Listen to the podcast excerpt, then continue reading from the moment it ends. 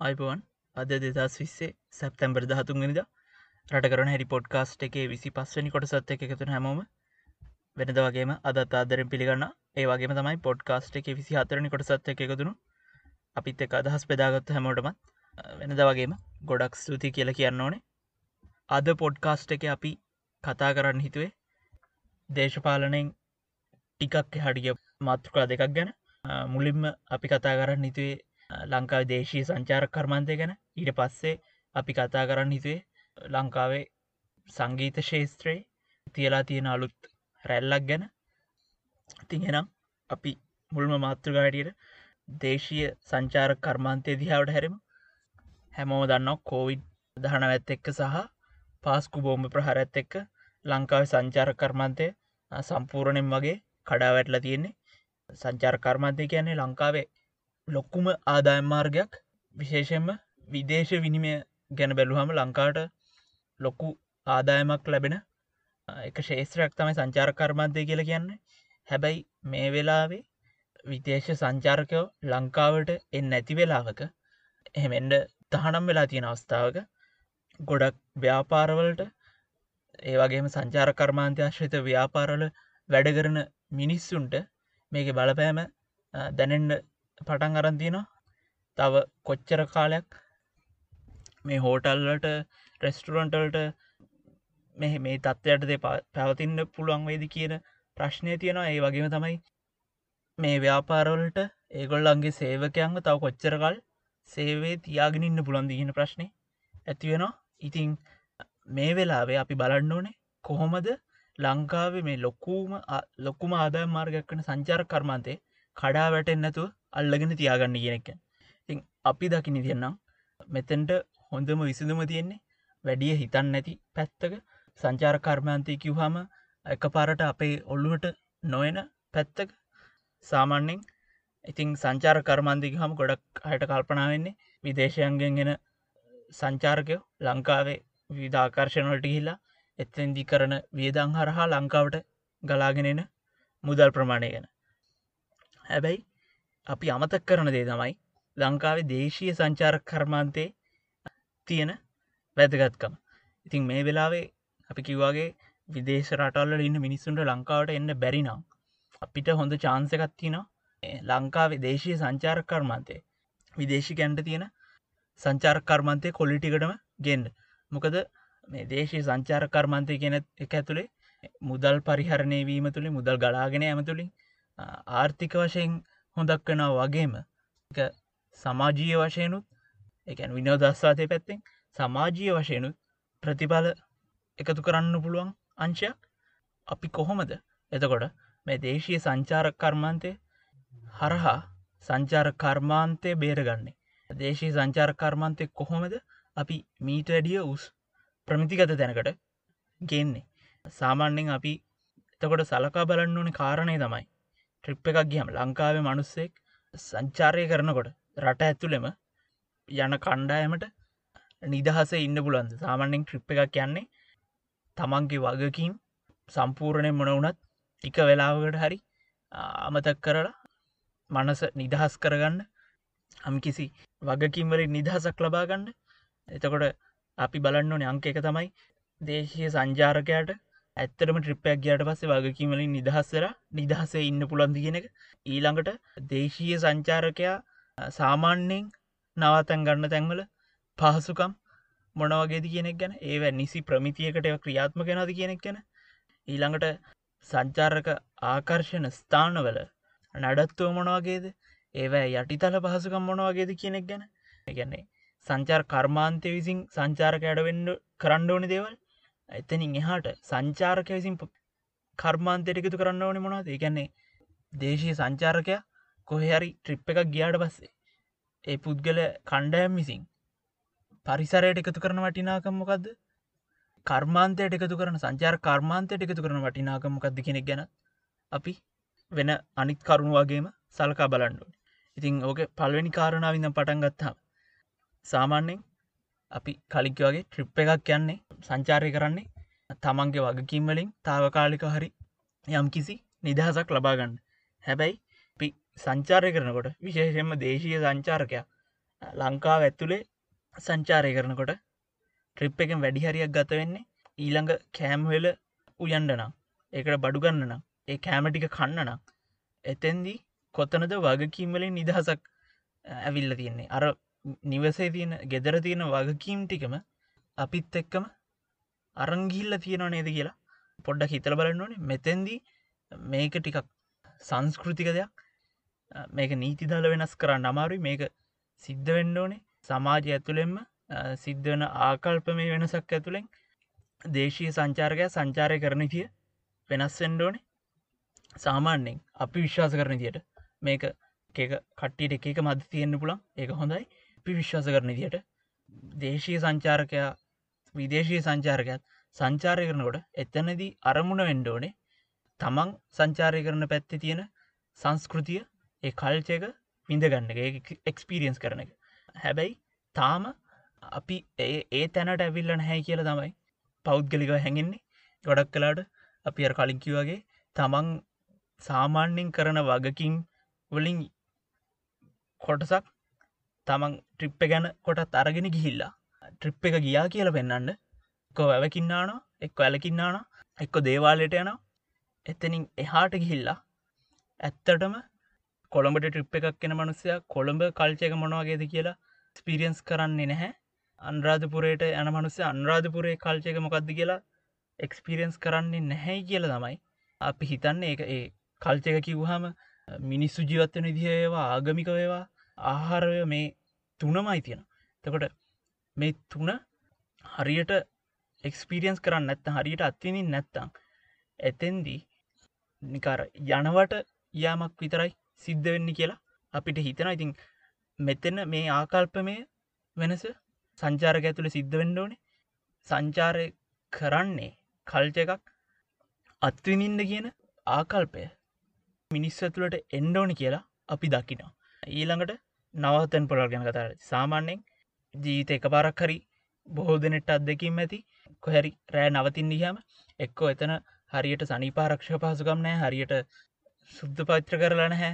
එහෙම නැත්තං අනතුරුදායක විදිහට හදපු තැංගල තමයි නවතින්න සිද්ධවෙන්න එක්ක වත්තුරන හැ මේ වගේ ගැටලු ගොඩක් තියෙන එතකොට පිටරටින් එන මනුස්සයටන එකොල්ලන්ගේ අර ගොඩක් විදේශටල්ල තියෙන සල්ලිවල එක්ස්ටේන්ජ් රේට් එකත් එක්ක ඒගොලන්ට ටික වැඩිපුර වියදන් කරන්න පුළන් හැබැයි ලංකාය මනුස්සයට වේදන් කරන්න පුළ ප්‍රමාණයත් එක් අනිසි ප්‍රයෝජන අරගන්න ගොඩක් කලාවට නිසි ප්‍රමිතියක් නැතුව නිසි නියාමනයකට යටත්වෙන්න නැතුව ගොඩක් කලාට සංචාරක කර්මාන්තේ දෙන නවාතැන් පොළොවල් අපි දකින ඉතින් අර අපි කලින්කිවාගේ කල්චර් කල්ච එක එක්ස්පිරන්ස් කරන්න සංස්කෘතිය විඳගන්න සංචාරකය ගෙන්න්න ගන්න ඔන්නම් ඒහෙම එහෙම සංචාරක ගෙන්න්න ගන්න ඒගොල්ලන්ට අවශ්‍ය පහසුකම් ටික තියෙන්නවා ඉතින් ඒ පහසුකම් ටික හැදීම මූල්ලික පියවරක් තමයි අඩුම ගානේ ඒගොල්ලන්ට හොඳ නවත්තයන් පහසුකම් ලබාදීම ට්‍රිප්පැක් යනනම් අන්ඩුවෙන්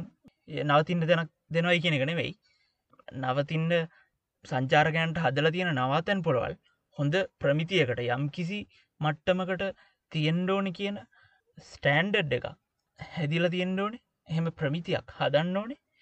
ඉතිං ඒක තමයි අපි මේ ඒකෙන් අදහස් කරන්න ඊළඟට එතනින් එහාටිකෑම සංචාර්ක ස්ථානවල නඩත්තුව සහ යටිතල පහසුකම් මිනිස්සු ලක්ෂ ගණන්ගෙන අනුරාධපුරේ කතරගම දේවාලය වගේ ඒ වගේ පැතිවල පැසිකිලි පහසුකම් මොන වගේද?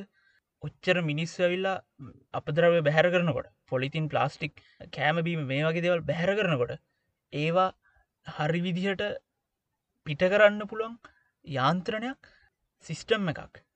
අපිට තියෙනද ගොඩක් කලාට අපි දකින්නේ හරියට වැසිකිලි පහසුකම් නැහැ.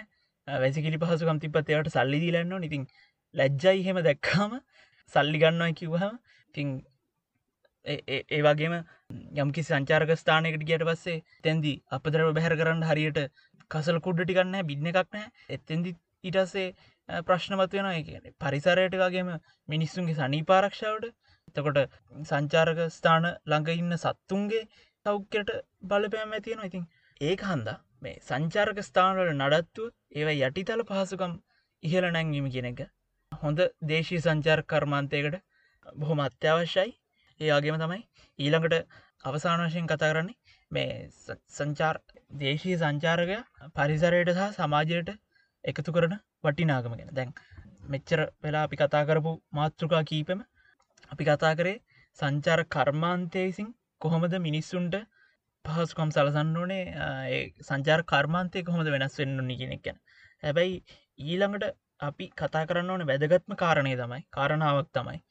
දේශීය සංචාරකයා තමන් සංචාරයට යන ප්‍රදේශයට එකතු කරන වටිනාගම්මකති කෙනෙක අපි කොහැරි ට්‍රිප් එකක් ගිහිල්ලා කුණුවෙන්ඩ බීලා මිනිස්සු එක්ක වලිදා ගන්නවනම් ඇල්ලක් ළඟට ගිල්ලා ඊලා බෝතල් ටික දාලෙනවනම් කෑම කාලිවරලා දුල්ටික මගහලලෙනවනම් කැලාවක් තියෙන පැත්තකටියට පස්සේ වනජීවගේ කාට හරි කතා කරලා දඩමස්ටිකක් කිල්ල ගන්නවනම් එතෙන්දි මේ දේශී සංචාරකයා පරිසරයට එකතු කරන වටිනාගම්මොකක්ද එතෙන්දි අපි සංස්කෘතියට පරිසරයට හොඳ යමක් එකතු කරන කියනෙක් ගැන හිතල බලන්න ඕනේ. මෙතැන්දි සිද්ධ වෙන්න ඕනේ. අපි දකිනිතියට විදේශය සංචාරකයට විතරක් ඒකොල්ලන්ගේ ඇඳුම් ගැන කොල්ල හැසිරෙන විදිහවල් ගැන ඒවට බැනල හරියන්න අපිත් මේ රට ගැන මීටඩිය වටිනාකමක් තියෙන මීටඩිය වගකීමක් තියෙන මිනිස් හැටියට අපිත් ලංකා පරිසරය ගැන අපි සංචාරය කරන සංස්කෘතිය ගැන අපි සංචාරය යෙදන සමාජ වටපිටාව ගැන මීටඩි පොඩ්ඩක් හිතන්න ඕනේ. සංචාරය කරන ප්‍රදේශයන්න මිනිස්සු ගැන අපි මීටඩි හිතන්න ඕනේ. ඉතින් මේ ඔක්කොමත් එක්ක හිතනවා මේ දේශී සංචාර කර්මාන්තය විදේශී සංචාර කර්මාන්තයේ ප්‍රමිතියටම ඒ කොල්ලිටියටම ගෙනාවට පස්සේ මේ කෝවිඩ් වගේ පස්කු බෝම්බ ප්‍රහාරය වගේ අවසනාන්ත සිදුවීම එක්ක සංචාර කර්මාන්තය ආර්ථිකයට මෙච්චරටම් බලපෑමක් කෙල්ල නැතිවේ කියලා. එකන මේ බලපෑම් සම්පූර්ණයම නැති කරන්න බැහැ හැවැයි මේ ශේත්‍ර මුළු මනින්ම කඩා වැටෙන එක නවත් නවත්තන්ඩ යම්තාක් දුරකට හරි ගැටලෝ විසඳන්ට දේශය සංචාර කර්මාන්තයට පුළුවන් කියලා අපිහිතනවා ඒ වගේම ආර්ථික පැත්තෙන් එහාට ගිහාම මේ සංචාර කර්මාන්තයත් එක්ක සිද්ධවෙන හොඳ සමාජීය බලපෑම තුළින් ලංකාවේ සමාජයට ලංකාව සංචාරකයට වටිනා කියනයම එකතු කරන්න සංචාර කර්මාන්තයට පුළුවන් කියලා අපි විශ්වාස කරන. ඉතින් අපි බලාපොරොත්වෙනවා මේ සමාජය ඇතුළෙනුත් තීරණ ගන්න මිනිස් ඇතුළෙනුත් මේ කියන වෙනස අනාගතයේදී සිද්ධවෙයි කියලා.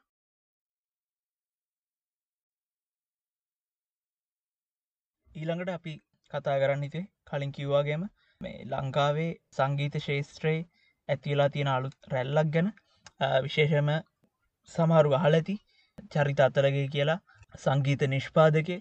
එයා ඇති කරලා තියෙන යම් කිසි මේ අලුත් මියසික් ට්‍රෙන්ඩ එකක් ගැන තමයි අද අපි කතා කරන්න. මෙතැනි මේ මියසික් ට්‍රෙන්ඩෙක්වට එයාගේ නිර්මාණවලට වඩා එයා නියෝජනය කරන සංගීත ශේත්‍රය එයා දකින මොකක් හරි දර්ශනයක් හරි විශ්ෂණයක් කර මොකක් හරි එය දකින ඒම් එක ගැන තමයි අද අපි අවධානය දෙන්න හිතේ අපි දන්න සංගීත ශේත්‍රයේ කාලෙන් කාලට විවිධ රැලියනවා අනු ගණන්වල බාති සන්තුෂ් ලයිල්ලා කුවෙනසක් සංගීත ශේත්‍ර ඇති කරනවා. මෙතෙන්දි එක එක අයට එක අදහස් තියෙන්න්න පුළුවන්. සමහරුන්ට බාති සන්තුෂ්ටා හොඳ වෙන්න පුළන් සමහරුන්ට එකොළන්ගේ සිින්දු එගොල කරපු දෙවල් අල්ලන්න තියෙන්න්න පුළුවන්. හැබැයි අපි දකිනිතියට අපේ පෞද්ගලිකම තේ තමයි ලංකාවේ සංගීත ශේත්‍රයේ ප්‍රමිති අතින් ගත්තාම මුදුනටම හිනි පැත්තරම පීක් එකටම එන්නේ මේ භාතිය සන්තුෂ්ලා. මේ පීක්කේ කියන්නේ මේ පදරචනය ගැන නෙවෙයි. තනින් හඩගිල්ලා පදරචනය සංගීතය සහ ශ්‍රව්‍ය දෘශ්‍ය සංගීතත් එක්කෙන අනිත්‍රව්‍ය දෘශ්‍ය මාධ්‍ය මේ ඔක්කොම එකතුනාට පස්සේ එන සංගීතය ප්‍රමිති ගැන අපි කතා කරන්නේ. මොකද එයාලට බාති සංසුරට කලින් ආපු ගායකින්ටත් බාති සංසුරට පස්සයාපු සමහර නිර්මාණකරුවන්ටත් බාති සංසුරට වැඩිය හොඳට වචනත් එක්ක සෙල්ලං කරන්න පුළුවන් කියලා අපි දැකල තියෙනවා.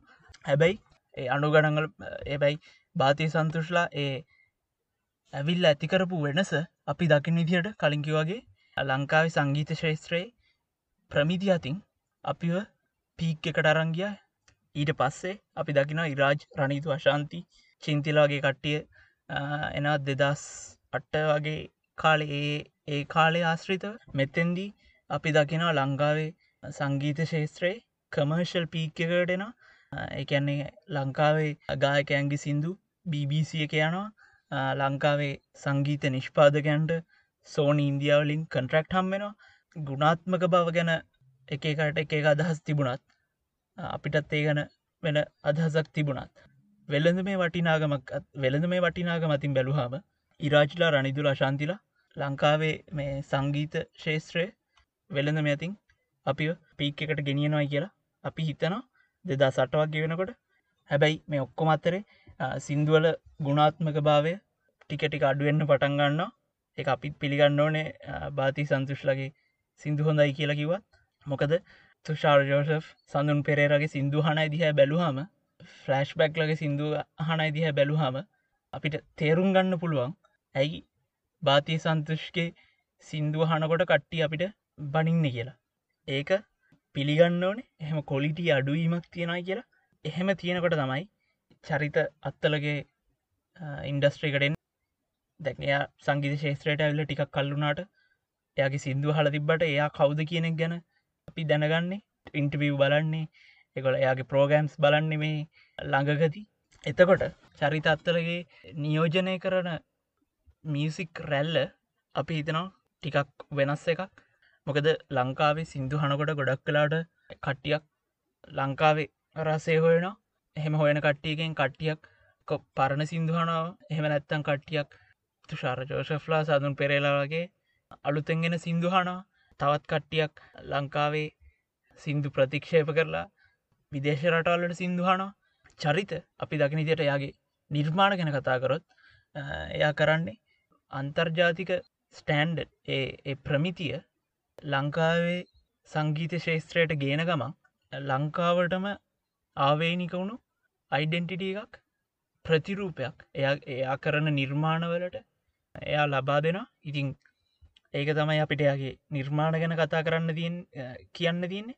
හැබැයි එතනින් එහාට කිල්ලා කතා කරන මේ රැල්ල ගැන කිව්වොත් හෙම ගොඩක් කලාවට අපි දැකපු දේ තමයි නිර්මාණකරුවන්ට ඒගොල්ලන්ගේ නිර්මාණවලට නිසි වටිනාකමක් දීම ගැන චරිත නිතරම කතා කරනවා. ඒඇන්නේ සිින්දුව කියන මනුස්සයට සිින්දුව ලියන මනුස්සයට සිින්දුවේ ආට්ට එක හදන මනුස්සයට ඒගොල්ලන්ගේ කතෘ භාග ගෙවීම ගැන රොයල්ටස් ගෙවීම ගැන නිතරම කතා කරනවා. සාමාන්‍යෙන් ලංකාවේ ළඟදී ්‍යාවත්කාලීන කරමු නීති අනුව FM නාලිකාවකින් සිින්දුවක කොටසක් හෝ ප්‍රචාර වෙනවනම් රුපියල් විස්සය ගෙවන්න ඕනේ. TV නාලිකාවකින් සිින්දුව කොටසක් හෝ ප්‍රකාශයනනම් දසට රුපියල් සීයා ගන්නවට හැබැයි ලංකාව තියන ආර්ථික තත්ත්වත් එක්ක අපි දකි නිතියට මේ මුදල කොහෙත්ම ප්‍රමාණවත් නැහැ. ඉතිං මේකත් වෙනස් වෙන්ඩෝනි කියලා චරිත කියන ඉතිං අපිත් හිතන ඉදිහට ඒක වෙනස් වෙන්න ඕන. මේ නීති ළඟදී මාර්තුවලගේ වෙනස් කරේ. හැබැයි ආයෙත් මේක ගැන සලකා බලන්න ඕන. මේ මුදල ප්‍රමාණවත්ද කියනෙක් ගැන. තැනින් එහාට ගිහිල්ලා මේ සමාජය මේ සංගීතය අහන්න විදිහ ගැනත් ඔහු කතා කරනා යම් මෙ මාස්ථාවල ඉති මෙතැන්දී මහිතන්නේ අපිට සවන් දෙන්න හැටියට ප්‍රේක්ෂක හැටියට ලොක වෙනසක් ඇති කරන්න පුළුව සාමාන්‍යෙන් පුරුද්ධ තමයි සිින්දුවක් අහනකොට ඉන්ටනෙට් එකට ගිල්ලා ඒ සිින්දු MP3 එකක් ඩවන්ලෝඩ් කරගෙන අහන එක. හැබැයි අපි මෙතැන්දි නොහිතන දේ තමයි මෙහෙම සිින්දුවක් නොමිලේ බාගන්න එක තුළින් සිින්දුව නිර්මාණයට දායකුණ මිනිස්සුන්ට අපි කරන පාඩුව ගැන. අපි සිින්දුව නොමිලේ මේ නීති විරෝධිය බාගන්න වෙනට ඒ සිින්දුව එක්කෝ YouTube එකෙන් බැලුවොත්හෙම එහම. නැත්තං බලන්න බැරිනම් සෞන්් කලව් එකෙන් හරි ඩීස වගේ එකකින් ඩීස වගේ සොෆ්ට එකකින් හරි ඇහුවොත් එහෙම එතෙන්දී අපි හිතනවා සින්දුව කියන මනුස්සයට සිින්දුව ලියන මනුස්සයට එක නිෂ්පාදනයට දායක වෙන කට්ටියට. ඒකළන්ගේ නිර්මාණයට වටිනාකමක් එකතු කරනා කියලා. ඩිස්ක්‍රපෂන් එක ලිංක්ස් ටිකක් දාන්නම්. පුළුවන්නම් හෙම ඩවන්ලෝඩ් කරන වෙනුවට සම්කලව් එකට ගිහිල්හරි ඩීස එකට ගිල්ලාරි මේ සින්දු අහන්ඩ මොකද එතකොට ඒකෙන් දීවිමත් වෙන්නේ ලංකාවෙම නිර්මාණකරුව. එතකොට තවත් හොඳ හොඳ නිර්මාණ බිහිවෙන්න පුළුවන්. හැබැයි අපි මත්තක තියාගන්න ඕනේ ලංකාවේ ආර්ථික තත්ත්වත් එක්ක ලංකා මිනිස්සුන්ට ලැබෙන වැටුප් එක්ක ලංකාවේ අන්තර්ජාලය ඩේට වල තියෙන ඩේට ලබාගැනීමේ පහසුකම් එක ඒවට වැෑවෙන මුදල් එක්ක හැමෝටම මේක කරන්න බැරිවෙන්න පුළුවන්. හැබැයි එහෙම කරන්න පුළුවන්න එහෙම කිරීමේ හැකියාවත් තියෙනවනම් ලංකාව සංගීත ශේත්‍ර වෙනුවෙන් මෙහෙම නිර්මාණ කරන මිනිස් වෙනුවෙන් ස්ට්‍රීමිං පලට්ෆෝර්ම් එකක් පාවිච්චි කරන්න කියන ආරාධනාව කරනවා. ඉතිං ඒ පොඩි වෙනස තුළින් ලොකු රැල්ලක් අපේ සංගීත ශේත්‍රයට ඇති කරන්න පුළුවන් කියලා විශ්වාස කරනවා. මොකද අපිත් පෞද් අපිත් පුරුදු වෙලා ඉන්නේ ඇර කිව්වාගේ ඉන්ටනෙට් එකට කිල්ලා සිින්දුවක් MP3 ඩවන්ලෝඩ් කරගන්න. හැබැයි ඇතැන්දි නිර්මාණය කරපු මිනිස්සුන්ට තියෙන බලපෑම ගැන අපි පොඩක් හිතල බලන්න ඕනේ. තිං ඒකත් එක්ක අදට පොඩ්කාස්ට් එක මේ විදිහට අවසන් කරන පොඩ්කාස්ට් එක විසි පස්සනි කොටසත් එකතුනාට වෙනද වගේ හැමෝටම ගොඩක් සූති එනම් අදට අයිබෝවන්